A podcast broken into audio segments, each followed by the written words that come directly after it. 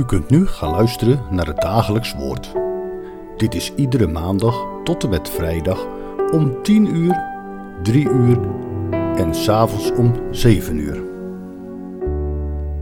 Deze meditatie wordt verzorgd door kandidaat Guit.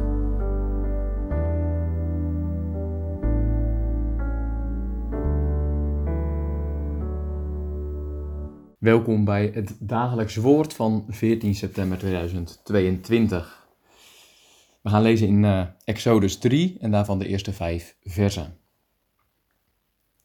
En Mozes hoede het kleinvee van zijn schoonvader Jethro, de priester van Midian. Hij dreef het kleinvee tot voorbij de woestijn en hij kwam bij de berg van God, de Horeb. En de engel van de Heere verscheen hem in een vuurvlam uit het midden van een doornstruik. Hij keek toe en zie de doornstruik branden in het vuur. Maar de doornstruik werd niet verteerd. Mozes zei: Laat ik naar dat indrukwekkende verschijnsel gaan kijken, waarom de doornstruik niet verbrandt. Toen de Heere zag dat hij ging kijken, riep God tot hem uit het midden van de doornstruik en zei: Mozes, Mozes. Hij zei: Zie, hier ben ik. En hij zei: Kom hier niet dichterbij, doe de schoenen van uw voeten, want de plaats waarop u staat is heilige grond. Tot zover. Het is weer september. Dat is de maand die bekend staat als het einde van de vakantie en het begin van een nieuw seizoen. Zowel in de kerk als ook op ons werk beginnen we weer aan een nieuw jaar. Voor sommigen zal dat prima zijn, met frisse moed weer aan het werk. Voor de ander duurde de vakantie veel te kort. En met lichte tegenzin ben je inmiddels weer aan de slag gegaan. Je zit weer in de sleur van het gewone leven. Alsof de prachtige vakantie die je hebt gehad, met alles wat je daarin gezien hebt, alweer maanden geleden was. Mozes, hij is ook weer aan het werk gegaan. Er staat en Mozes hoede het kleinvee van zijn schoonvader Jethro. Een hele gewone dag. De sleur van het leven, zo lijkt het. Maar het is juist op deze hele gewone werkdag dat Mozes een levensveranderende ontmoeting zal krijgen met God. Het lijkt me goed om daar eens zo aan het begin van een nieuw seizoen bij stil te staan. Het is juist zo'n hele gewone werkdag die de Heere God uitkoos om iets bijzonders, iets overweldigends te laten zien, waardoor Mozes nooit meer dezelfde zou zijn. Als jij vandaag aan het werk moet, hou je ogen dan eens goed open. Misschien dat God iets kleins of zelfs iets groots op je pad zal brengen waardoor je nooit meer dezelfde zult zijn. En misschien gebruikt hij daar bij wijze van spreken wel een doornstruik voor. Iets of iemand waar je normaal gesproken misschien alleen maar geprikkeld van raakt. Mozes weet niet wat hij ziet op die hele gewone werkdag. Letterlijk. Hij ziet een doornstruik die niet verbrandt. Een indrukwekkend verschijnsel noemt hij het. Jongeren vandaag zouden het misschien een fata morgana genoemd hebben. Een illusie, die het gevolg is van een lange werkdag onder een brandende woestijnzon. Mozes, weet je wel zeker dat je ziet wat je ziet? Mozes weet het waarschijnlijk helemaal niet zeker. Hij zou eerst een stukje dichterbij moeten komen. Laat ik nu naar dat indrukwekkende verschijnsel gaan kijken waarom de doornstruik niet verbrandt. In gedachten zie ik Mozes lopen.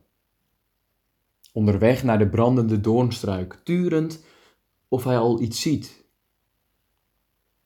Onwetend wat hij werkelijk zal aantreffen, want dat indrukwekkende verschijnsel is niet zomaar een natuurverschijnsel.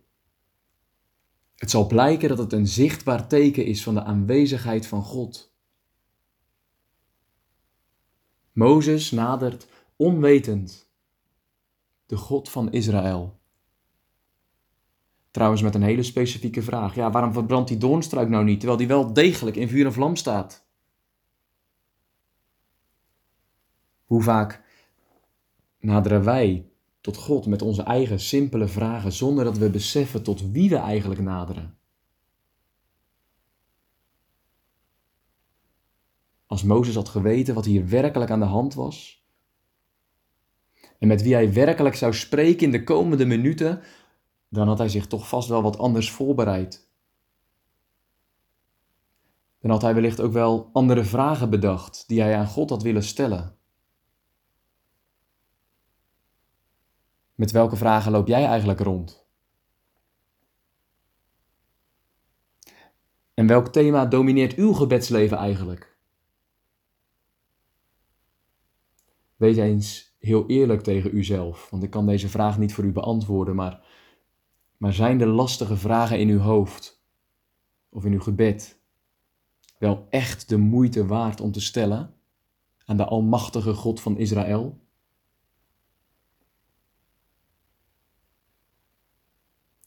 Toen riep God. Mozes is zijn vraag in ieder geval meteen vergeten. Hij antwoordt met één woordje: Hineni. In het Nederlands: Zie, mij. Zie, hier ben ik. Dat is het enige wat Mozes kon zeggen bij deze onverwachte ontmoeting met God. De rest van de voorbereiding voor de ontmoeting met God moet hem worden voorgekoud.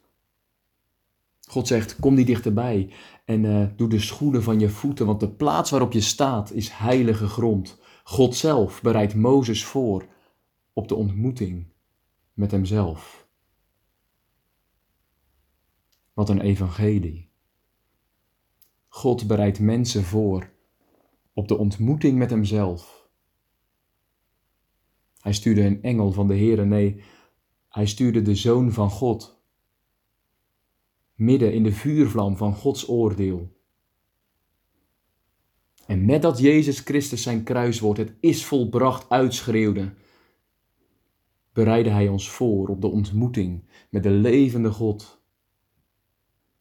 Als, als we tenminste dichterbij komen en onze schoenen van onze voeten doen. Bent u bereid? Voor de ontmoeting met de levende God?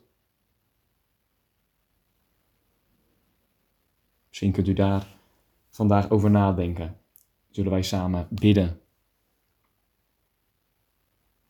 Heren, als u ons niet had voorbereid op de ontmoeting met u, werden wij levend verteerd door het vuur van uw heiligheid.